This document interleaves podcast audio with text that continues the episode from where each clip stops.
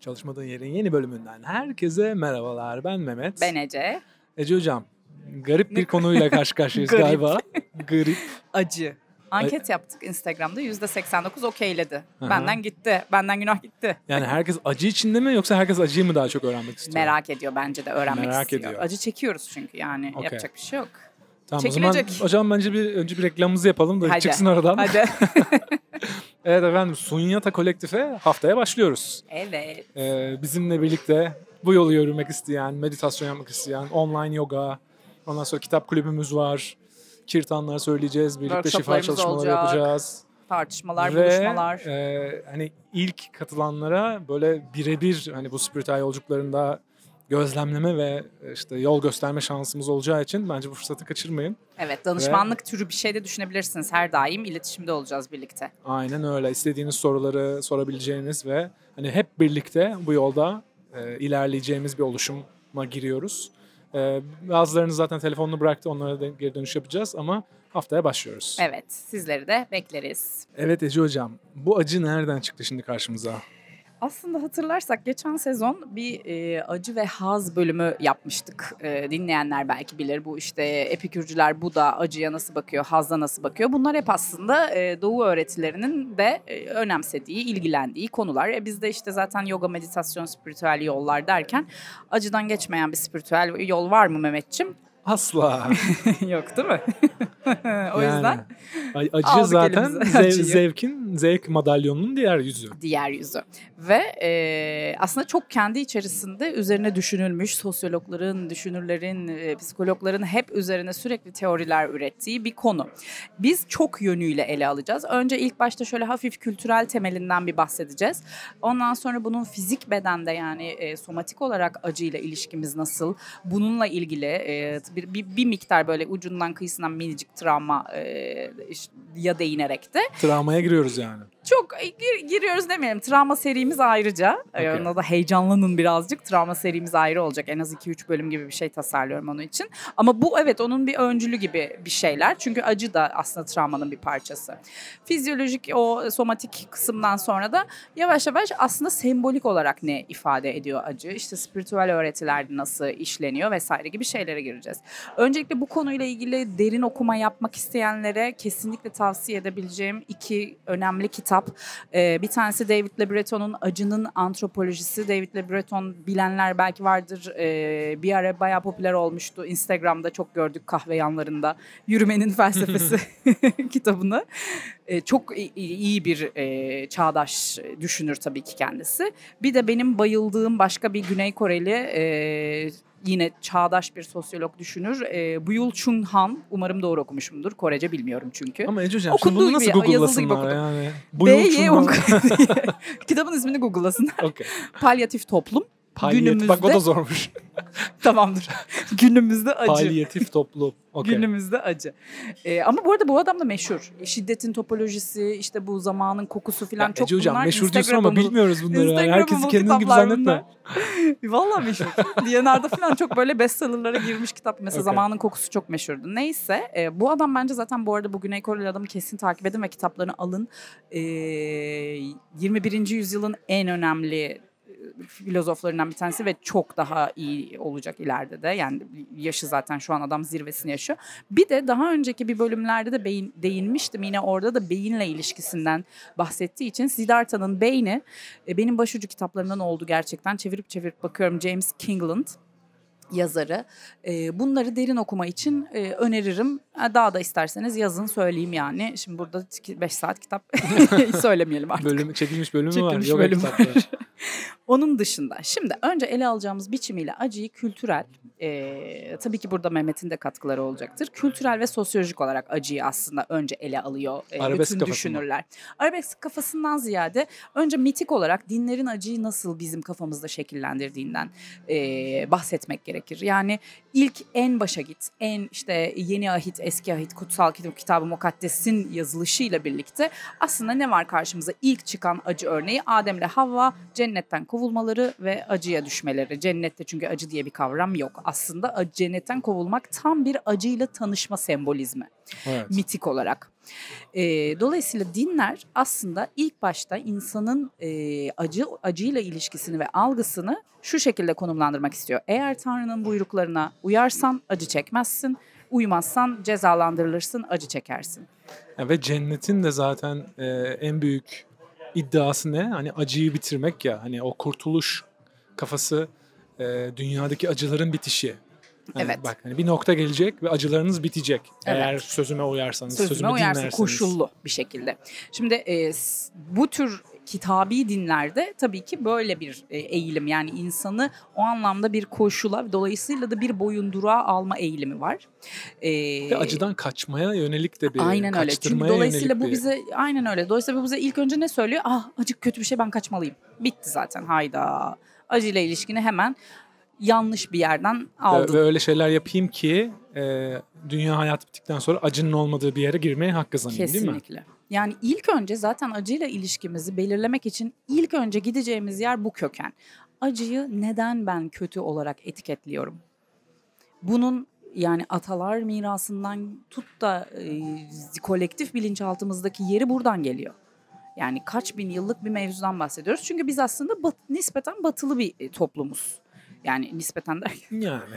e, en azından medeni e, eğitim öğretim şeyinden geçtikten sonra son 100 yılda e, batılı bir tandansta e, büyümüş toplumu, E, tabii, büyümüş aynen. bir toplumuz bu coğrafyada. Yani mistik bir öğretiyle büyümedi. Hiçbir zaman bu coğrafyada Aynen, mistik tabii, tabii. doğu öğretileri olmadı yani o anlamda bakarsan. Kitabi öğretileri oldu. E, ve aynı şeyden geliyor. Yani Hristiyanlıkla İslamiyet'in birleştiği köken aslında yine bu bu noktada aynı. Ceza var, acı var. O da aslında Cezanı Yahudiliğe çekeceksen- dayanıyor yani onların Aynen kökü. öyle. Onların Aynen da öyle. kökü Sümerlere dayanıyor yani. falan gibi. yani. Hepsinin kökü aynı. Bak orada bir tane parantez açalım. Lütfen. Ee, komplo teorisi parantezi. Modon. komplo teorisi mod on. Ee, Sümerlerde de biliyorsun Anunnakiler meşhurdur ya. Hı hı. Yani eğer o öğreti doğruysa bütün bu kitabı dinlerin kaynağındaki o Sümerlerin e, işleyiş tarzı ve hani işte hayata bakış tarzında iyi tanrılar var, kötü tanrılar var ve işte kötü tanrılar insanlığı köleleştiriyor ve korku kavramını hani dindeki Evet. korku kavramının kökeni insanlar çalışsın diye o kötü tanrıların e, beyinlere yerleştirdiği bir şey. Ya kesinlikle. Yani işte zaten doğrudan kolektif bilinçaltımızda diyorum ya hep yüzyıllar boyunca acıyı kötü bir şey olarak kodladık. Bitti zaten. Burada bir sıf- bir sıfır yenik başlıyoruz aslında acıyla ilişkimizde. Etiketlememiz sebebi, olumsuz etiketlememiz sebebiyle. Sonra hop alıyoruz başka bir tarafa. Aslında tabii ki yine acıyı eee, bu işte dini, dinsel sistemler e, bedenle de tabii ki ilişkilendiriyor. Yani bedeni kirleten bir şey ruhu da kirletir. Dolayısıyla ikisi de hem bedene hem ruha acı vermek zorundadır. Bunun cezasını da acı çekerek aslında almak zorundasındır. Çünkü bedenin ya da ruhun kirlenmiştir buyruklara uymazsan, dini Evet buyruklara. yani cezalarda hep bir acı kavramı var değil mi? Yani cezayı acı çektirerek. evet. Ne kadar Yapıyor. yanlış. Evet zaten doğru da değil bu arada. Hani diğer e, ezoterik Tabii. öğretilerde hani bahsedildiği gibi cehennem diye bir şey yok. Cehennem sadece kendi vicdanının çektiği azap. Yani kimse bizi yakmıyor Tabii. hani öldükten sonra. Ceza kavramı yok zaten bir kere e, mistik öğretilerde. Zaten oradan sonra e, Budizme sıçradığımızda başka bir coğrafyada ya da Budizm diye sadece kısıtlamayalım ama mistik öğretiler dediğin gibi ezoterik öğretiler de buna dahil. E, orada tam tersi bir şekilde acıyı kapsamak diye bir şey karşımıza çıkıyor. E, çünkü zaten biliriz ki e, bu da zaten acıyla barışmak, acıyla uzlaşmak üzerine bir e, öğreti geliştirmiştir. Bunu kendisi de keşfettiği için kendi pratikleriyle bu konuya nasıl bun- buna ulaştık kon- konusuna geleceğiz birazdan.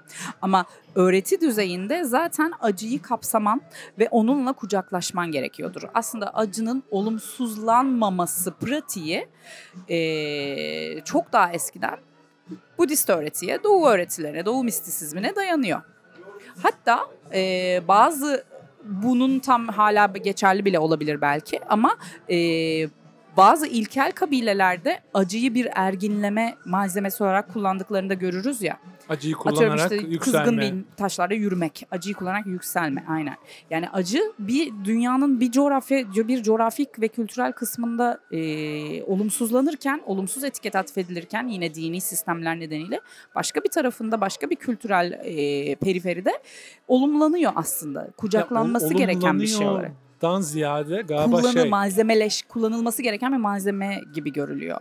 varlığı kabul ediliyor Evet. ve ondan kaçamayacağımız için yüzleşmemiz gerektiği söyleniyor ki çok daha mantıklı yani. Kesinlikle öyle. Yani acının kaynağının eee, aslında haz olduğunu söylemek de buradan geliyor. Çünkü bir şeyden haz alıp onu yapmaya devam ettiğin sürece daha fazla acı çekiyorsun aslında sembolik açıdan. Bir de dualite kanununda zaten ha- hazla acı aynı şey. Ee, bir doğrunun üstünde derecelerin farkı yani sıcakla soğuk gibi. Hani duşta sıcak soğuk var ya Hı hı. ama hangi noktada sıcak bir tüp soğuk başlıyor? Bunu şey yapamıyoruz, çözemiyoruz. Evet. Ama bir noktada sıcak diyoruz, bir noktada soğuk diyoruz. İkisi de aynı aslında su. Haz ve acı da aynı şekilde. Kesinlikle. Dualitenin iki ucu. O yüzden İki haz ucu. eşittir acı yani. Kesinlikle. Ve aslında işte senin de hep zaten bölümlerinde bahsettiğin üzere acının gerçek kaynağını cehalet olarak görüyor Budizm başta olmak üzere. Yani sen kendinle ilişkinde cahilsen, kendi e, evrenle ve varoluşla ilişkinde cahilsen bu seni sürekli zaten kaçınılmaz bir şekilde acıya götürecek. Acı hep var olacak. Ama acıyı durdurabilmek yani onunla e, ona karşı kayıtsız kalabilmek senin elinde olan bir şey ve bu pratikle gelişen bir şey. Evet acıyı durdurmak diye bir şey yok zaten. Evet, durdurmak değil, kayıtsızlaşmak acıya. Aynen. Kayıtsız kalmak. Tamamen Bir de acı kayıtsız bir katalist kelimesi. olarak gözüküyor zaten Tabii. tekamülde de. Yani tekamül yolculuğunda bize bir şeyleri öğretmek için Tabii acı ki. en iyi öğretmenlerden biri. Kesinlikle zaten o yüzden olması gerekiyor. Yani olumlu, olumlanıyor derken kastettiğim oydu. Yani olması gereken bir şey. Durduk yere acı olmadan sen o o mertebeye zaten ulaşabilmen söz konusu değil. Çünkü Evet. acıyı e, Budizm yine kendi öğretisi gereği ya da Doğu mistizmi kendi öğretileri gereği acıyı bedenle ilişkilendirmiyor. Az önce ne dedik? Beden bedenle ilişkilendiren aslında dini diğer e, kitabi ve işte daha batılı öğretiler. Batılı öğretiler arasında da bunun tabii ki e, istisnaları var bahsedeceğim. Ama e, genel olarak ruhu ilgilendiren bir konu olduğunu düşündükleri için acının doğu tarafında. O yüzden acıdan böyle bir acıya karşı böyle bir kayıtsızlık geliştirmenin senin elinde olduğunu düşünüyor. Çünkü bedeninin gelip geçici olduğuna zaten işte o e, sadece bedenlenmek, cisimlenmek, dünyaya o halde gelmiş olmak kısmı gelip geçici bir şey ve esas olan senin özün olan şey bedenin değil. O sadece bir araç. Dolayısıyla acıyı beden temelli aslında görmemen gerekiyor. Zihin ve nihayetinde bilinç temelli bir şey olarak değerlendirdiğinde ona karşı kayıtsızlaşabiliyorsun. Bunu başaranlar da var zaten bildiğimiz üzere. Ya bir de pratik abi işte her zaman her şeyde dediğimiz gibi pratik bu işin olmazsa olmazı yani acıya kayıtsız kalma pratiği. Mesela bu soğuk duş muhabbeti çok e, Evet. popülerleşti ya. Yani ilk soğuk duşa girdiğinde sanki ölecekmişsin gibi oluyor ama bir süre sonra ona alışıyorsun ve Evet. kayıtsızlaşıyorsun. Bütün muhabbet bununla ilgili yani. Kesinlikle. A- yavaş yavaş hani bu şey demek değil. İşte kendimizi jiletleyelim manasında Tabii kesinlikle ki. değil. Ama dayanıklılığını ona maruz kalarak artırabiliyorsun. Kesinlikle maruz kalmak çok önemli bir kelime bu anlamda. E zaten yine daha önce dedim ya geçen sezonda da konuştuğumuz o stoacılarla Budizm niye bu kadar benzeşiyor? Stoacılar da aynı şeyi söylüyor. Yani acıya karşı kararlılıkla e, şey çıkman gerekiyor. Kendine hakimi, kendi üzerinde hakimiyet kurarak karşı çıkman gerekiyor. Karşı çıkmaktan kasıt onu itmek, reddetmek değil. Sen ona hükmediyor olman gerekiyor. Yani acının üstü- üstünde aslında bir hakimiyet kurabilirsin. Tıpkı az önce verdiğin en basit soğuk duş örneğinde olduğu gibi.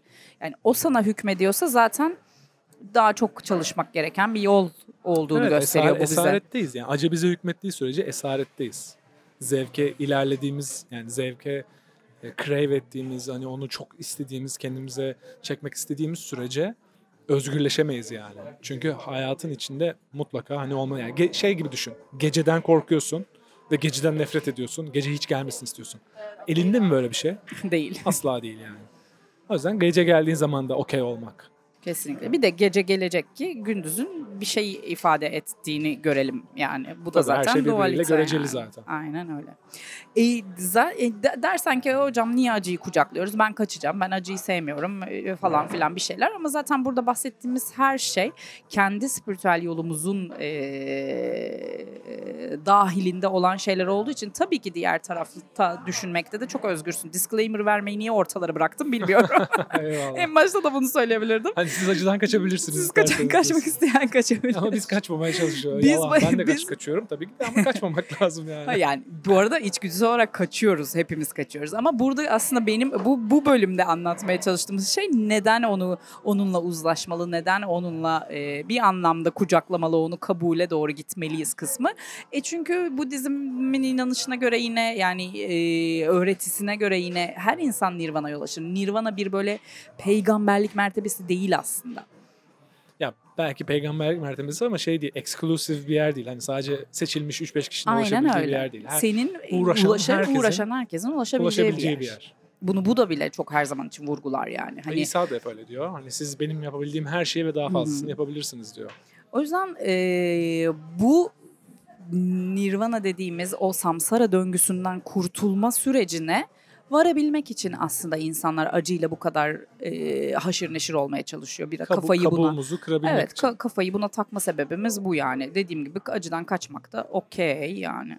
Ama bu, bu sınıfı sınıftan mezun olmak için acıyla uzlaşmak gerekiyor. Evet hangi yolu seçtiğinle ilişkili dediğim gibi ben, biz burada kendi tabii ki eee, dünya görüşümüz, inandıklarımız vesaire çerçevesinde anlattığımız için bu açıdan Yok yok anlatıyoruz dinleyenler konuları. de zaten öyle hiç merak Öyle diyorsun tamam. tabii tabii. kapattı. Öyle olmayanlar kapattı şu öyle an. olmayanlar zaten dinlemez bunu yani. Okey. bir şeyin çok güzel bir lafı var Eckhart Tolle'nin. Eee, acının faydasız olduğunu anlayana kadar acı çekmek zorundasın diyor. Nasıl güzel laf. Enteresan. Yani o acı Düşündürdü çekilecek. Düşündürdü. O acı çekilecek. Eckhart Tolle de aslında e, şu an enlightened görülen adamlardan bir tanesi. E, bilmiyoruz ne derece enlightened olduğunu. Bir türlü ısınamadım ben ya şahsen. Yani? Nedense Bir böyle bir- weirdo bir tipi de var. Bilmiyorum. Belki hayatta diye mi acaba öyle bir ön yargı var? Hayatta Hani diye olabilir ya da biraz bence daha dep o daha depresyona çıkmamış gibi geliyor. Hayda. Böyle aşırı sakin ya belki sıkıcı Evet, geliyor evet. olabilir. Mesela ben Ramnas ya da Krishnamurti gibi böyle Evet. sarkastik Evet. böyle bir eğlenceli guruları daha çok seviyorum yani şahsen. Evet. Eckhart Tolle'nin de ama güzel kitapları vesaireleri var tabii ki. Önemli e, bu konuda öğreti şey öğreti demeyeyim de e, gösterdiği, rehberlik ettiği konular laflar, sözler var. E, ne diyorduk? E, e, batı'da tabii ki bunun ist- istisnası her zaman bahsettiğim gibi çok sevdiğim stoacılar. E, yine onlar da aynı şeyden. İşte Epikür olsun, Marcus Aurelius olsun hep aslında e, yapıtlarında, yazıtlarında ya da aynı şeye örnek verirler. E, hatta şeyin Epikür'ün böyle çok tatlış bir şeyi var bir işte mektubunda mı kitabında mı ne hatırlamıyorum şimdi. Ee, der ki ben hasta olduğum zaman insanlara hastalık anlatmam. Çünkü hastalık anlatırsam bu sefer hastalığıma ee, şey yapmış, olumsuzlamış olurum. Ben in- hasta olduğum zaman da hiçbir şey yokmuş gibi davranırım. Böylece de ona kayıtsız kalırım. Ona e, şey paye vermem. Sen kim köpeksin diye böyle. Yani ben, ben senin varlığını inkar ediyorum sana. Aynen. Yani ona Pasif o payeyi... yapıyor, Aynen pasif agresif. Ona o payeyi vermem diyor yani acıya, rahatsızlık hissine o payeyi verirsem o beni kuşatır diye düşünüyor çünkü. Falan gibi. Ee, ve aslında şunu keşfetmemiz önemli bir yerde. Acı aslında somatik bir deneyim gibi yaşıyoruz tabii ki biz bunu bedensel bir deneyim olarak yaşıyoruz ama aslında acının kendisi somatik değil. Acının kendisi zihinde meydana gelen bir şey.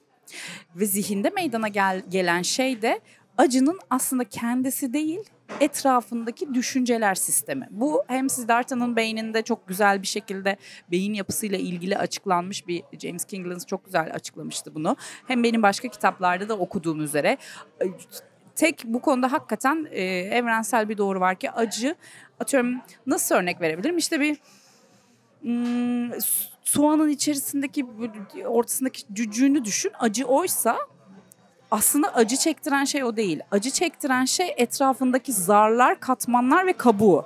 Biz sürekli kabukta ve katmanda olduğumuz için acıyı hissediyoruz. Cücüğe odaklansan acı çekmeyeceksin diyorlar. Evet. Yani Mesela çocuklar bazen e, dişçiye giderken ya da aşı olmaya giderken aşırı büyütür ya mevzuyu. Ve aşırı hı. mevzuyu büyüttüğü için de aslında Daha fazla üzerinden çekilmez bir çekecekse acıyı onun üzerinden 10 çekiyormuş gibi Aynen bir öyle. deneyim yaşar yani. Sırf bilincinin ona yansıttığı anlam için. İşte o zaten acı acıyla e, acıya maruz kalma ve ona kayıtsızlaşma deneyimlerinde atıyorum çok böyle e, ekstrem örnekler var ya yok işte ne bileyim ben ayağının üzerinden araya üstünden traktör geçen insan vesaire filan araba ge- tır geçen insanlar vesaireler şunlar bunlar ya bunların acıyla ilgili bunları bu arada desteklediğimiz için söylemiyoruz böyle bir şey değil spiritüel yol ama şundan bahsediyorum e, beynini acının üzerine çok fazla fokusladığında yani böyle bir merceği sürekli bir şeyin üstünde tuttuğunu düşün onu artık hissetmiyor hale geliyorsun. Yani araba kazalarını düşün şey ya da askerleri düşün. Araba kazasından hemen sonra insan e, acıyı hissetmez. Ya da işte bir kavga edersin. Yani kavga ettikten sonra işte yediğin yumruğun acısı gelir. Ya da işte cephedeki askerlerin anlattığına göre hani vurulduğu zaman hissetmiyor bile. Hani öyle bir adrenalin, Aynen. öyle bir bilinç hali var ki. Demek ki bilincimizin, zihnimizin bunu tamamen kapatabilecek gücü var. var. Burada hemen çok güzel bir örnek vereyim. Ee, zihnin zaten böyle bir gücü var. Çünkü dediğimiz şey e, yani şu sıralama neydi? İşte zihin bir düşünce üretir. Zihin beynin bir yapısıdır. Yani zihin biz ölünce zihin diye bir şey yok. Dolayısıyla zihin senin kalbinin atışı gibi bir şey. Zihin bir düşünce üretir. Düşünce onu bedende hormonal bir takım sistemler sonucu duyguya dönüştürür ve acıyı eğer ortadaki konu acıysa acıyı üretir. Dolayısıyla Önce acı zihinde. yani. Evet, acı zihinde üretilen bir şey. Bu da iyi aşırı klişe oldu. Böyle kitap, kişisel gelişim kitabı. Acı zihninizde. Ama vallahi öyle. Acı diye bir şey yok aslında. Yok. yani. Ee, hatta şeymiş 1800'lere kadar e, bu işte kloroform vesaire narkoz bilmem ne gibi morfin gibi narkoz diyorum morfin gibi maddeler bulunmadan önce e, ameliyatlar e, hipnozla yapılırmış. Mot- motive ederek mi? Hipnozla yapılırmış. Evet. Gerçekten hipnozla yapıyorlarmış. Hipnozla çok fazla vaka var şeyde e, normal Google'layın çıkıyor zaten. Bacağını kesen normal doktor kalçasından bacağını kesecek hipnozla. Vay. Ama tabii ki bu sürdürülebilir bir şey değil. Çünkü herkesi hipnoza sokamıyorsun. Herkeste aynı etkiyi bulamıyorsun vesaire vesaire vesaire. E, bilim gelişiyor zaten pozitif bilimler şudur budur derken tamam ondan sonra artık uyuşturucu yani anestezik maddeler üretilmeye başlıyor. Ama ondan öncesinde hipnoz çok güçlü bir eğer doğru yaptıysan çok güçlü bir anestezi maddesi olarak görülüyor. Hi- ve uyanan hastalar hiçbir şey hissetmiyor hipnozdan uyanıp da ameliyat olmuş bacağını kesmişsin. Hipnozdan kesmişsin adamın bacağını mesela. Enteresan. Bu da yine acının somatik bir şeye indirgenemeyeceğini bize gösteriyor. Yani evet bedende bir karşılığı var, duyumsal bir karşılığı var ama o duyumun beyninde nereye hitap ettiği ve neyi, e, hangi fonksiyonu, beynin hangi fonksiyonu devreye soktuğuyla ilgili bir konu. Şöyle bir şey var. Hı. e, acı eşiği diye bir kavram var yani. Evet. Bazı insanlar mesela acı eşiği yüksek diyor. Evet.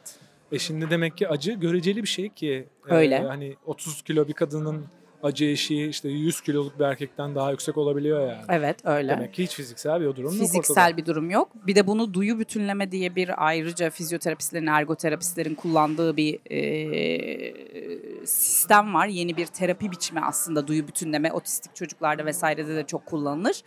E, orada mesela eşik, bu tür eşik problemlerine yönelik çalışmalar yaptırılıyor.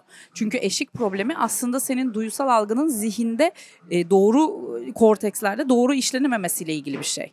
Hatta bundan da şeyde bahsetmiştik geçen sezon. Yanlış hatırlamıyorsam bu parasempatik sempatik bölümde bahsetmiştik. Çünkü duyu bütünleme şeyin de konusu, travmanın da konusu. Eşiklerin bozuluyor. İşitme eşiğinde bozuluyor atıyorum birden çok hassas koku eşiğin bozuluyor vesaire vesaire. Bu eşik bozukluğu da aslında zihinden gelen bir şey ve bunu da yine işin şey tarafı, tricky tarafı tabii ki yine bizim hep vurguladığımız tarafı. Bunun da yine çözümü şey e, aynı pratikler yani aynı beden farkındalığı, meditasyon, yoga pratikleri her yerde yani David Le Breton bile Acının Antropolojisi kitabında yogadan, meditasyondan bahsediyor. Kitabın baştan sona hiç yoga ile ilgisi yok. Meditasyona da ilgisi yok. Adam sadece bunun beden farkındalığıyla geliştirilebileceğinden, zihni ancak böyle terbiye edebileceğinden acı konusunda bahsediyor. Başka yolu yok çünkü yani. Yani iki, bir artı iki artı bir bir falan söyleyemedi. Neyse siz 2 artı anladınız. 1 falan. Siz anladınız. Olmadı. Ha, bu kadar konu anlattın Ece Hocam. 2 artı 1'de boğuldu yani. Ay. Yani eee, ne diyorduk? Suacılardan da toparladık zaten. Hepsi aslında aynı şeyi söylüyor. İnsanın bunun üzerinde bir hakimiyeti olması ve dolayısıyla buradan artık o senin dediğin yükseliş fikrine doğru ilerlemek.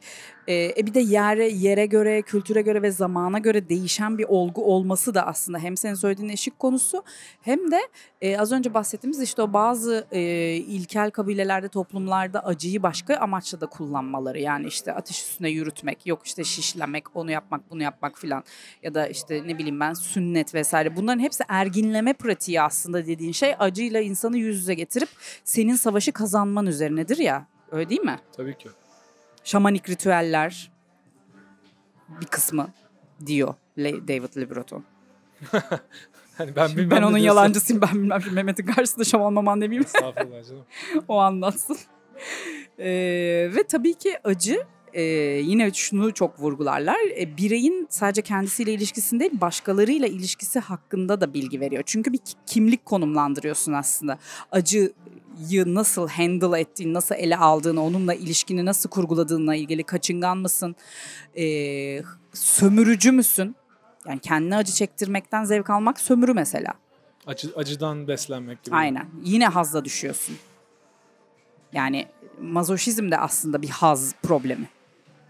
Okay. Mazoşistim ben acı çekmek benim için wow harika bir şey. O yüzden okey ben çözdüm olayı değil yani konu. O da bir hazın sömürüsü sonuç olarak gibi. E, hatta onunla ilgili çok güzel bir e, şey vardı. E, nerede okudum hatırlamıyorum sözü. Sana bana acıyla ilişkini söyle sana kim olduğunu söyleyeyim diye.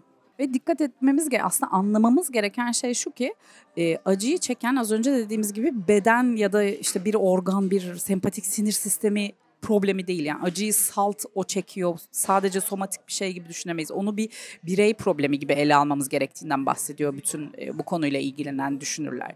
E, çünkü senin bedenin fiziksel sınırları olan bir beden yapı gibi görünse bile aslında biliyoruz ki biz artık bu yolda giden insanlar, çalışan eden insanlar olarak fiziksel sınırlarımızın dışında bir bedensel duyumumuz var. Varoluş duyumumuz var. Tabii ki. E, dolayısıyla bunun ötesine geçebilmen için de algılama biçimin çok belirleyici. Yani o acıyı nasıl algıladığın senin e, kendi fiziksel sınırlarınla bedeninle olan ilişkini de çok belirliyor. Yani sadece kendini bir yere hapsetmiyor olarak düşünmen gerekiyor. Acıyla birazcık daha acıya kendi maruz bırakmaya hazır olmak istiyorsan. Örneğin işte der ki bir diş ağrısı e, nasıl ki bütün duygu, düşünce sistemini her şeyini boşar. Şey her şeyini dönüştürür. Saçma sapan bir hale getirir. Yani sadece bir diş ağrısı baktığın evet, başka zaman. Başka hiçbir şey düşünemez başka olursun. Başka hiçbir şey yani. şey düşünemez olursun. Hiçbir şey yapamaz olursun. Aksi lanet bir insan olursun vesaire vesaire gibi şeyler. Yani dünya ile ilişkini komple değiştiren bir şeyden bahsediyoruz. Bunu sadece bedene indirgeyemeyiz o açıdan. E, yine aynı şekilde hep işte söylendiği gibi Peter Levy'nin sürekli bas, bahsettiği o travma mevzusunda özellikle çok bahseder. Be, beden ve beyin, zihin, bütün total komple bu fiziksel varlığımız herhangi bir duygusal acıyla yani bir aşk acısıyla bir diş ağrısını birbirinden ayırt edemiyor. Evet yani aşk Aynı şekilde diş ağrısı birbirinden fizyolojik ayrılmıyorsa his. yine bu fiziksel olamaz yani. Aynen öyle. Fiz, fiziksel olarak bunu hiçbir şekilde bedeninde böyle bir ayrım yok. Aynı acı. Bunu farklı gibi hisseden şey bizim zihnimiz. Dolayısıyla nasıl baş edeceğiz? Zihinle uğraşarak baş edeceğiz. E zihinle nasıl uğraşıyoruz? Meditasyon vesaire vesaire yoga pratik. Konu dönüp dolaşıp Falan buraya geliyor işte ya bayılıyorum. Her şeyin çağrısı olarak meditasyon. Şeyi çok e, çok hoşuma gitmişti. Sağlıkla ilgili şöyle bir e, yine işte hem e, Çulhan hem de e, Le Breton altını çiziyor. E, sağlık güzel bir şeydir ya bizim için. O sağlıklı olalım, şudur budur. Ya tabii ki sağlıklı olalım. Bambaşka bir şey. Yani o, o konu tartışmaya kapalı. Daha alt bir yerlerden bakıyoruz konuya. Umarım o anlaşılıyordur ama e, mesela şey derler. E, sağlık bedenin insanın dikkatinden kaçması halidir. Yani sağlıklıysan beden farkındalığın düşer. Hmm, doğru. O yüzden de sağlıklıyken bedeninle uğraşacaksın ki hani işte senin hep söylediğin var ya savaş gelmeden barış zamanında savaşı düşün gibi. Evet. Sağlıklıyken beden farkındalığı çalışacaksın ki sağlığın bozulduğunda hazırlıksız yakalanmamış ol. Çünkü sağlıklıyken hiçbir derdin yok. Oh mis beden takılıyor. Zihnin takılıyor. bizim bu yolda bu ilerlemek istememizin sebeplerinden bir tanesi de zaten bu hal. Yani niye durduk yere atıyorum bacağına uyuşana kadar meditasyona oturasın yani? Deli misin baktığın zaman? Özgürleşmiyor mu abi işte? Yani başına ne gelirse gelsin. Önüne ne engeller çıkarsa çıksın. Senin yola devam edebilmen. Ha bu değil ki, bu demek değil ki yani işte bazıları var bu e, mantaliteye uyup ha- hayatlarını mükemmel yaşıyorlar. Diğerleri işte uyuyorlar gibi bir şey değil yani. Bu bir süreç. Evet, tabii ki seçim bir de bu arada. Yani, Yani sen ona yavaş yavaş başlayacaksın. İşte atıyorum e, soğuk duş soğuk duşa alışmak istiyorsan belki önce yavaş yavaş soğuğa getireceksin. Ya da işte en soğuğa getirmeyeceksin, ortanın biraz sağına getireceksin. Gibi. Adım adım, adım adım. Her şeyde olduğu gibi işte o e, gradual process yani. evet kesinlikle. E, böyle minik minik adımlarla değişim. Hani her gün yüzde bir değişirsen işte bir sene sonra bambaşka bir insan olursun muhabbet var ya yani biraz Evet. onun gibi. Çünkü sağlık baktığın zaman işte o konfor alanı yani. Her şeyin yolunda olması bir konfor alanı ya. Konfor alanındayken kendini dönüştürücü bir şeyler yaparsan ne güzel. Umarım hiç konfor alanından fiziksel olarak bir acıyla çıkmamıza gerek olmaz hiçbirimizin ama en azından o geldiğinde de onu karşılayabilecek, göğüsleyebilecek bir altyapıyı kazanmış olmamızı önemsiyor aslında bütün öğretiler ve pratikler bu yoldaki. Ya bir de yine işte ezoterik öğretide de e, hani her şeyin bir sebebi var ya. İşte kainatta sebepsiz hiçbir şey yok. E, o yüzden sen de hastalık gelmeden kendine dönüp çözmen gereken şeyleri çözdüğün zaman, görmen gereken şeyleri göz, gördüğün zaman onun gelmesine de gerek kalmayabiliyor. Yani bu biraz filozofik tarafı işin. E, hani gelen hastalıklar bizim suçumuz demek istemiyorum. Hı hı, E, hı hı. ama bizim sorumluluğumuz yani işte. Evet. e, tekamül bakış açısından bakarsak hani biz daha senin de dediğin gibi yani sıkıntı gelmeden sıkıntıyı görüp çözersek onun getireceği sonuçlara da maruz kalmak zorunda kalmıyoruz yani. Evet. Ee, şeyde de Gabor Mate bölümünde de bahsetmiştik aslında bir de tabii ki bir psikosomatik kısmı var yani hastalıkların yani as- hastalıkların hiçbiri fizik temelli değil bir de. Evet. Hepsi duygu ve düşünce temelli. Yani e, böyle söyleyince de gerçekten hani insanların moralini bozmak istemiyorum ama yani psikosomati konu artık kabul edildi zaten tıbben e, 21. yüzyılda da. E, bu konuda da yine derin araştırma isterseniz hani psikosomatik konusuna bakabilirsiniz tıp dünyasında nelere yol açtığı ile ilgili. E, şimdi gelelim işin kültürel ve şey kısmını, sosyolojik kısmını böyle değerlendirdik. Yani e, baktık acıyı bize hep kötülediler. Tükaka kaçın acıdan gitmeyin öyle olsun şöyle olsun. E, fizyolojik olarak baktığımız zaman az önce aslında hafiften değindiğimiz gibi acı nerelerde gerçekleşiyor derseniz acı aslında tamamen beynin belli korteksleriyle ilgili bir süreç. Çok kısa hemen buradan böyle hızlıca bahsedeyim çok fazla kafalar karışmadan birkaç terim kullanacağım. Hani en azından aklınızda bu terimler çünkü hep meditasyonla ilgili bir şey okuduğunuzda karşınıza çıkacak olan bölgeler, beyin bölgeleri. Hep zaten birkaç bölüm dinlediyseniz podcast'te aynı beyin bölgelerinden bahsediyoruzdur. İnsular korteks dediğimiz yer algısal e, korteksimiz, beynin algısal bölümü. Somatosensöriyel korteks de duyusal alanımız. Yani somato zaten bedende işte so, bedende algıladığın her şey. Bir de hipokampüsten daha önce de çok bahsetmiştik. Bu amigdala ile ters çalışan, ters çalışan amigdala büyüyünce hipokampüs küçülüyordu ya. Hipokampüste hafıza ve e, şartlanma, koşullanma bölümümüz aslında büyümesini istediğimiz bölüm. Ee, bakı yani bir tabii ki bakmıyorlar. Siddhartha'nın beynine nasıl bakacaklar? Ama Siddhartha'nın beyni kitabındaki e, teoriye göre, e, araştırmalara göre e, derler ki Siddhartha ilk eğer bu, ya bu pratiklere başlamadan önce e, alfa dalgaları ve bu beynin aktif elektrik aksiyonunun daha aktif olduğu bölge sağ taraftı.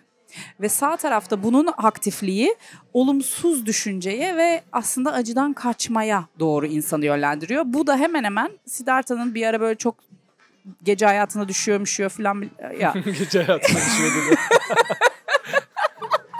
Eyvallah. Reyna'da mı takılıyormuş? ama öyle olay.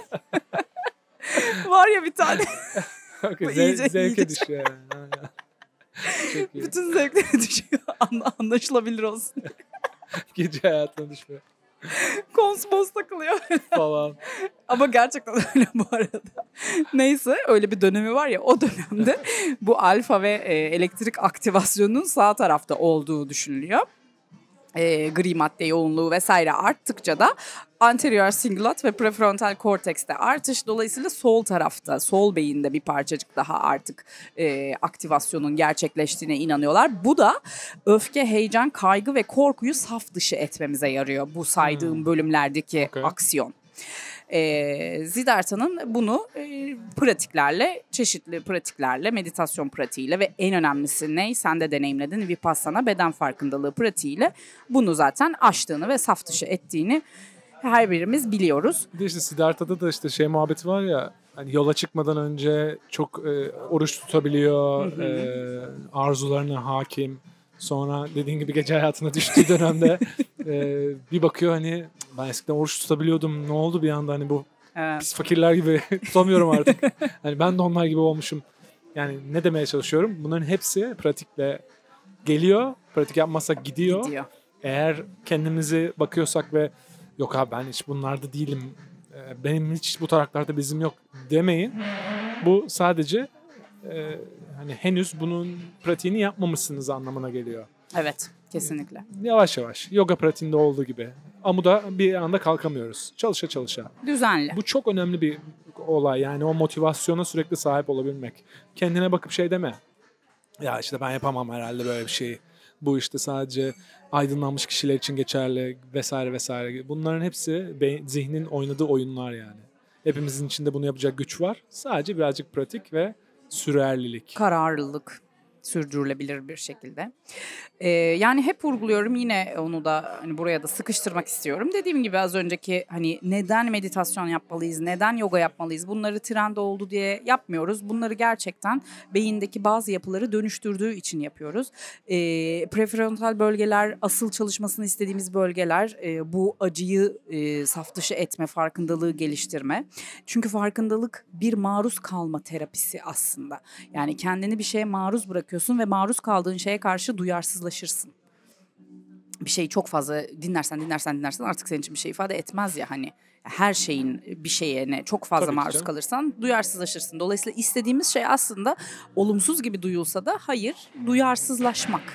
Yani acıya karşı ve kaygıya karşı ve korkuya karşı.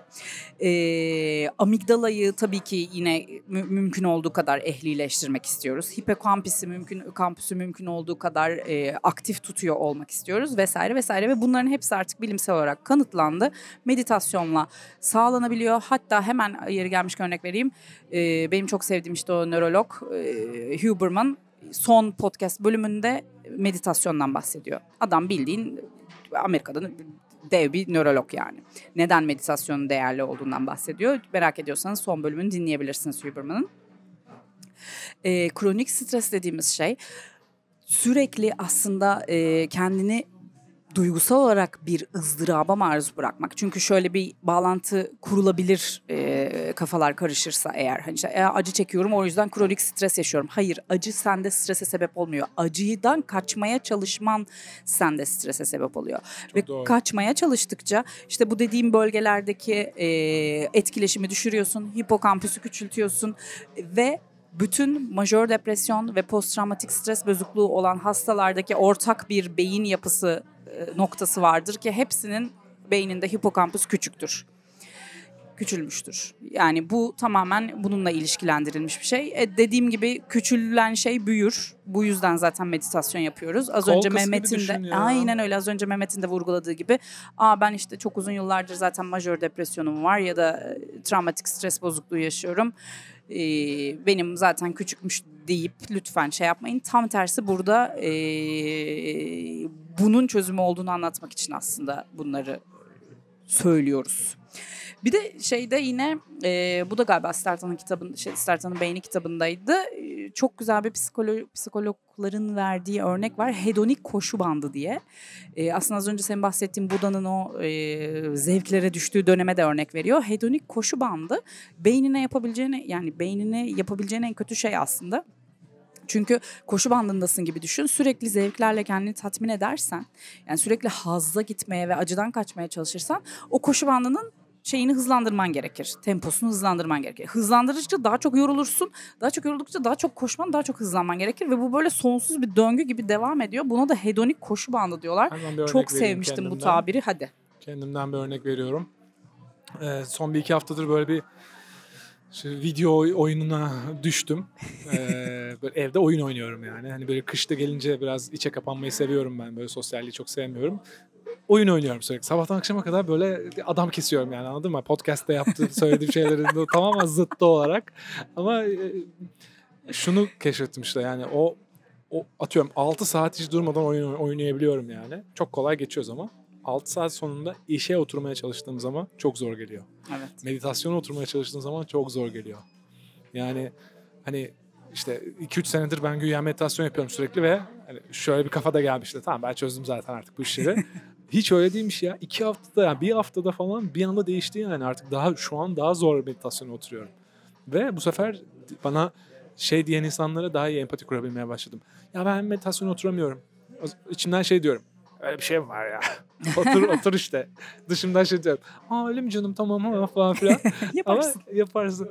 Ee, gerçekten öyleymiş yani. Hani Tabii. bu ipin ucunu bir bıraktığın zaman hemen geri gidiyor. Gidiyor. Ama bizim işte her zaman her yerde söylediğimiz gibi akıntıya karşı savaşmak zorunda olduğumuz gerçeğini de bana tekrar göstermiş Evet. oldu. Bir de zaten meditasyon pratiğine oturmak aslında oturmanın oturmaktan daha zor olan şey o oraya kadar O kararı, o kararı verebilmek. verebilmek yani. Üşengeçliğin de zaten. yoksa oturduktan sonrası zaten okey bir şekilde. Evet yani Bir test, bir sınav yok ortada. üşengeçliğini düşün. Ee, üşengeçlikteyken en zor şey o kararı vermek. Evet. Zaten o karar verme süresi ne kadar artarsa o kadar zorlaşıyor bizim yapacağımız şeyler. Evet. İşte Huberman gibi nörologlar da zaten o kararları ortadan kaldırın diyor Evet, ya. Hani evet. rutinin önemi bu. Karar vermeden yap. Evet. Sen şimdi bak şeyi düşün. Sabah kalktığın zaman bir rutinin yok. Senin için diş fırçalamak bile çok zor olur. Çünkü o kararı vermek zorundasın. Evet. Bizim karar vermek istemiyor beynimiz. Çünkü yeterince karar veriyor gün içinde. İşte atıyorum e, akşamdan yarın sabah ne giyeceğini koyarsan kenara sabahın çok daha rahat oluyor. Ne kadar az karar verirsek o kadar iyi. Evet. Kesinlikle. Acı acı için de geçerli bu. Yani acı çekerken de işte o bizi e, acıya dayanıklılığa götürecek o kararları vermeden rutine bağlayabilmemiz de bize çok yardımcı oluyor yani. Kesinlikle. Biraz daha meditasyon övelim o zaman. Yine eee, bu eee, acının antropolojisindeydi yanılmıyorsam orada değindiğim. Meditasyon pratiği yapanların eee, verilere göre acı veren bir uyarıcıyı beklerken yaşanan kaygı düzeylerinde yüzde otuzlarda bir azalma görüldüğü tespit ediliyor. Bu daha uzun süre meditasyon pratiği yapanlarda çok daha tabii ki yüksek yani keşişlerde, Budist keşişlerde vesaire. Bak buradaki konu şu acı veren uyarıcıyı beklerken bak acı daha gelmedi. Düşünsene o acı ver yani dişçi koltuğuna oturma mesela az önce bahsettiğin gibi o öncesi bile ne kadar insana acı veren bir şey. Bir kere önce meditasyon öncesindeki kaygıyı yönetmene sebep oluyor çok rahatlıkla. Sonra da acı geldiğinde, acı gerçekleştirdiğinde bu sefer işte beynin başka anterior cingulate ka- korteksinin aktifliği sebebiyle de bu sefer acıya eşlik eden o düşünsel unsuru yok edebiliyorsun. Yani acının öncesinde de çünkü bir kaygı var. O da acı.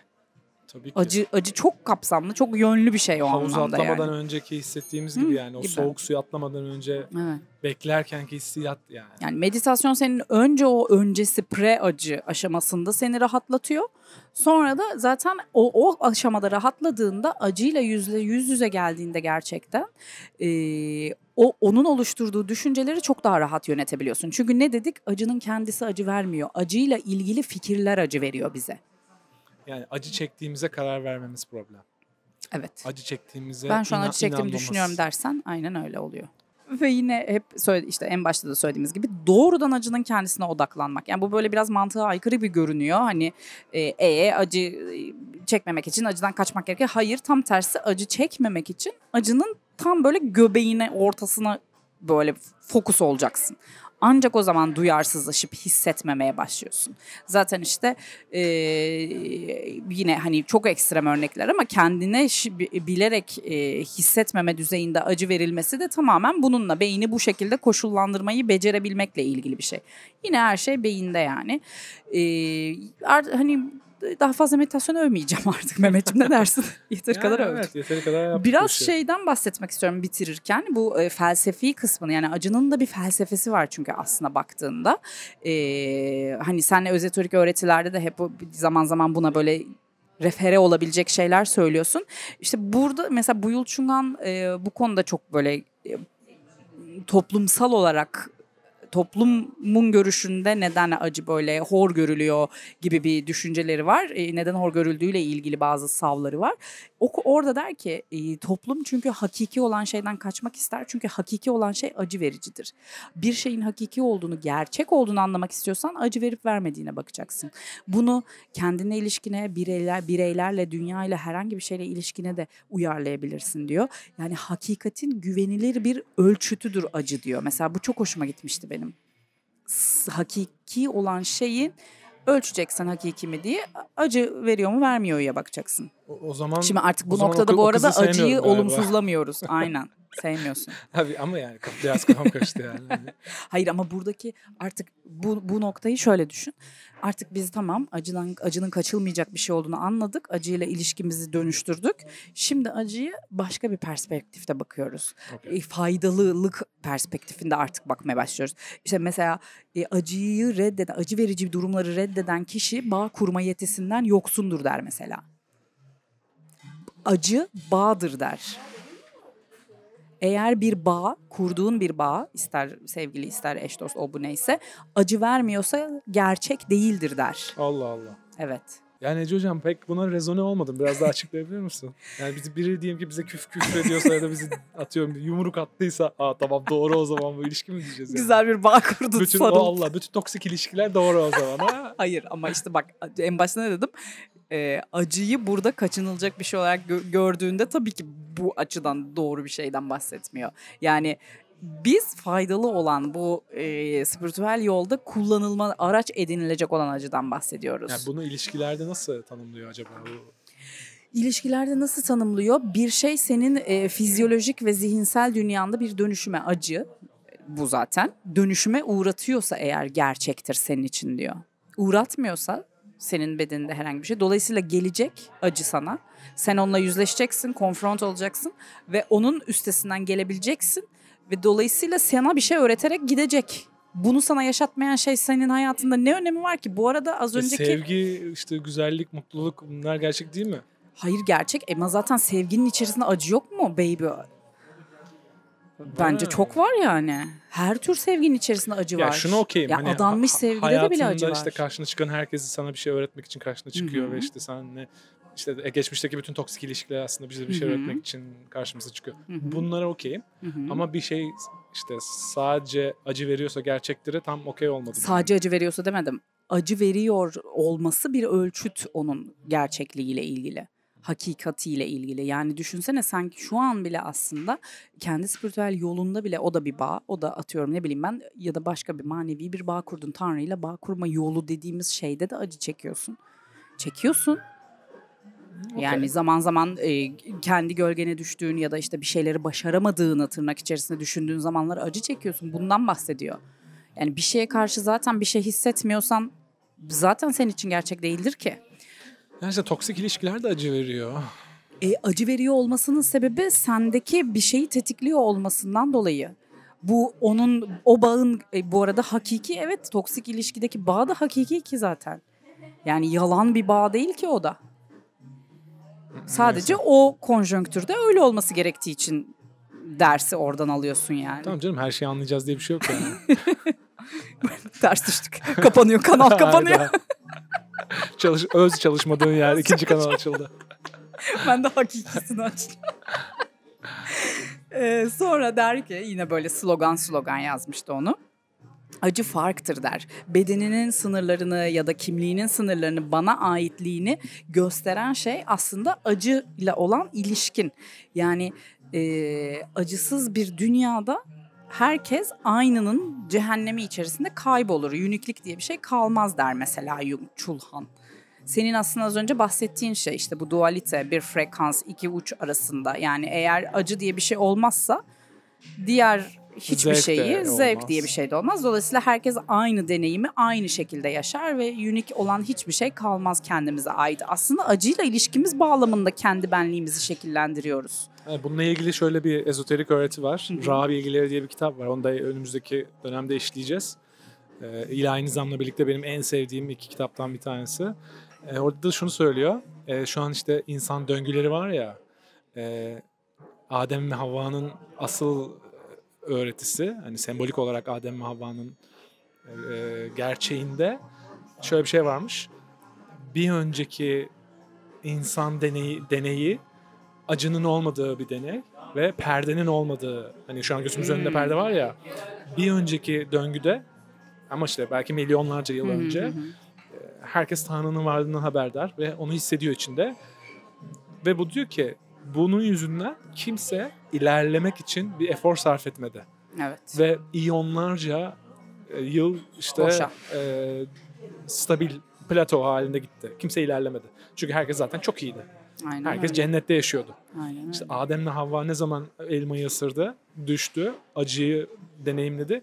Ondan sonra ilerleyecek bir sebep oldu. Yani ilerlemek için. Buradan kurtulacak bir yer haline geldi yani. E tamam işte toksik ilişkiyi de öyle düşün. Yani o, o olmasa sen kendinin daha iyi bir versiyonuna bir ilişkide ulaşabilir misin o acıyı Tabii ki çekmesen? hani o iyi ki gelmiş ama onu o hakiki diye onun içinde kal- kalmak da iyi değil yani. Hani, tamam. Hayır hakiki olan şeyin içerisinde kalmak değil sadece bu gerçek. Ben bununla çalışmak zorundayım. Hakikilik orada öyle bir hakikilikten bahsediyor. Okey, yani bize- İlgilenmen gereken. Bir şey öğretiyor, ilgilenmemiz gereken Aynen şey olduğunu kesinlikle gösteriyor. Evet, Evet. bunlar okey. Güzelmiş bu az önceki örnekte hakikaten. Ee, ve nihayetinde işte aslında e, hani bu da e, az önce bahsettiğimiz gibi acının olumsuz tanımı, olumsuzlanmış algısı bizdeki bizi düşünmeye, taşınmaya iter der. O yüzden faydalıdır acı. Yani acı esnasında artık tabii ki tekrar ediyorum. Burası bir üst mertebe. Yani acıyla ilişkini konumlandırdın, acı çekebilir bir hale geldin. Artık bu acıdan nasıl bir fayda sinekten yağ çıkaracak yani bu noktada artık. Okey. Ee, bu kısım burayla ilgili. Ee, ve mesela şey gibi bir örnek veriyor. Bu gelecekle ilgili çünkü e, aslında e, Çulhan çok fazla bireysel e, felsefeyle değil daha toplumsal öğretilerle, toplumsal felsefelerle ilgilenir. Kitapları da daha toplumsal bakış açısından yazılmıştır. O yüzden acıyla ilgili kitabının ismi Palyatif Toplum. Ee, şeyden bahseder mesela gelecekte yapay zeka neden insanın yerini alamaz? Çünkü yapay zekaya bir al- acı algoritması yükleyemezsin diyor. A- acıyı algoritmalaştıramazsın der mesela. Hmm. Mümkün değil bunu yapamayacaklar hiçbir zaman diyor. Dolayısıyla her zaman insanın unikliği insan olarak kalacak acı çekme kapasitesiyle ilişkili olarak. Okey. Her şeyi yapar yapay, yapay zeka ama bir acı algoritması mümkün değil tanımlayamazsın. Çünkü bedensel bir şey değil. Yapay zeka bedensel bir şey. Maddesel bir şey. Maddesel bir şey ama acı maddesel bir şey değil. Anladım. Ee, ve işte o zihne berraklık kazandırma hali, hazzın tersine düşünmeye sevk eden şey bizi aslında acı. Tabii ki ileri yine seviyeden bahsediyorum. Çekmeye artık okey olduktan, muktedir olduktan sonraki aşamada seni düşünmeye ve artık şu nokta A noktasından B noktasına bir mental olarak gitmeye sevk eden şey haz değil, acı her zaman. Ee, ve işte yine o da sağlıktan çok şey yapıyor, sağlığı şey yapıyor, çöp çöp Sağlığımı kötülüyor. kötülüyor aynen. Hayda. Aynı şeyi söylüyor işte acı bir dönüşümdür. Dönüşümün temelidir. Ee, sağlık dönüşümden yoksundur. Dönüşümün diyalektik yapısından yoksundur. Yani o dualiteden yoksundur diyor. Yani hani hep bahsettiğimiz şeyler. Sağlıkta aslında hiçbir şey yeşerip büyümez o anlamda baktığın zaman. Eğer tembellik edersen. Evet, yani sağlıklı kaybetmeden. haldeyken ileriye gidemeyiz Evet yani. aynen. Ya eğer işte bizim de Bu az önce sahip bahsettiğimiz bu bilince sahip değilsen mesela orada Nietzsche'nin şeyinden örnek veriyor. Nietzsche işte e, öyle bir alıntısı var. E, çok uzun süre hastaydı ya Nietzsche zaten hayatının son evet. yıllarını özellikle çok ağır hasta geçirdi. Kafasını duvara vura vura. Hı hı. Ve e, diyor ki e, alıntıya göre ben e, uzun süren hastalığıma çok şey borçluyum. Yani bütün o işte şey sözünü de zaten burada çıkarttı. Seni öldürmeyen şey güçlendirir e, sözü de bununla ilgili. E, ve felsefemi de bu hastalığıma borçluyum diyor Nietzsche. Yani eğer Nietzsche hasta olmasa belki Nietzsche diye birini tanımayacaktık. Görüyor musun? Ya. Ya. Çekilecek o acılar. Evet ya bizim toplumumuzda acaba bu acı eşiği neden bu kadar düşük? Yani çok şikayetçiyiz ya. her şeyden Düşük mü şikayet ya? ediyoruz. Bence Birazcık da bence drama queen bizim toplumumuzda. Evet, evet, yani acı eşiği düşük değil şeyden düşük taklidi ediyoruz. yapıyor. Seviyor acıyı ya bizim toplumumuz bence. Arabesk yani. Tabii arabe zaten arabesk. Ama e, Bence acımız acıyı bir acı yakıt yakıt olarak mı kullanılıyor? Yani acı kendine İşte bakıp sömürüyor bence. için kullanılmıyor da bence sömürülüyor bu top, bizim toplumda acı. Yani drama queenlik yapılıyor. Acı çekilmediği halde çekiliyormuş gibi yapılıyor. Mağduriyet bayılınan bir şey yani bu toplumda. Bence. Ya hepimiz buna düşüyoruz yani. O Evet. konuda bu, bu kültürel, coğrafi bir sürü bunun tabii ki alt yapısı vardır elbette ki. Hani onu da biraz düşünelim. Varsa bize fikirlerini söylemek isteyen değerli bu konudaki arkadaşlar, çalışmış, düşünmüş arkadaşlar. Ama ben öyle düşünüyorum. Ben drama queen toplumu olduğumuzu düşünüyorum yani. evet var öyle bir şey. Ee, aynının cehennemi dedik yani aslında acının olmadığı bir şey. O acının olmadığı o palyatif toplum diyor onlara şey. Acıdan kaçan toplum. Aslında biz tam bir palyatif toplumuz bu arada. Çulhan'ın şeyine göre, tanımına göre. Çok Palyatif ne demek? Palyatif şey demek ee, bir hastalığın son döneminde artık en son hiçbir geri dönüş mertebesi şeye geri dönüş ihtimali olmayan hastalıkların son evresine deniyor. Ölümcül hastalık evresi. Okey. Daha ölmedi ama birazdan ölecek gibi. Palyatif klinikler vardır. Hatta Gabor Anladım. Mate bölümünde bahsettik. Gabor Mate hep palyatif hastalarla çalışmıştır filan. Okey. Palyatif toplumu da o anlamda konu, konu şey yapıyor. Yani bu toplum ölmek üzere son evrelerini acı çekerek yaşıyor. Ve biz onun e, nasıl e, acıyla ilişkisini dönüştürerek son evrelerini daha konforlu e, ve e, faydalı hale getirebiliriz diye düşünüyor. Evet palyatif toplum hakikaten bence tam Türk toplumun buna uyanlardan bir tanesi. O tabii ki genel evrensel bir e, eleştiride bulunuyor. E, ve takıntılı şekilde olumsuzdan kaçar diyor mesela palyatif toplum üyeleri için ya da palyatif toplum için. Bence biz bu anlamda gerçek bir palyatif toplumuz yani. Yani kıssadan ise aslında işte bu insanın bireyin gücünü yani güçten kastımız iktidar gücünden bahsetmiyoruz. Farkındalık ve özbenlik, öz keşif gücünü e, acıyla başa çıkabildiği noktalar gösterir diyor. Yani aslında aynı şeyleri söylüyor. İşte bu bana acıyla ilişkini söyle, sana kim olduğunu söyleyeyim e, fikri de oradan geliyor. Yani küçük ölçekte bir ölüm gibi görmek, ölümü de olumlamak gerekir önce tabii ki acıyı olumlamak için. E bütün spiritüel öğretiler ölümü olumlar. Çünkü ölüm nedir aslında? Bir kabuk değişimidir. Tabii. Yeni kabuğun için eski kabuğu atmandır. Güzel bir şeydir baktığın zaman.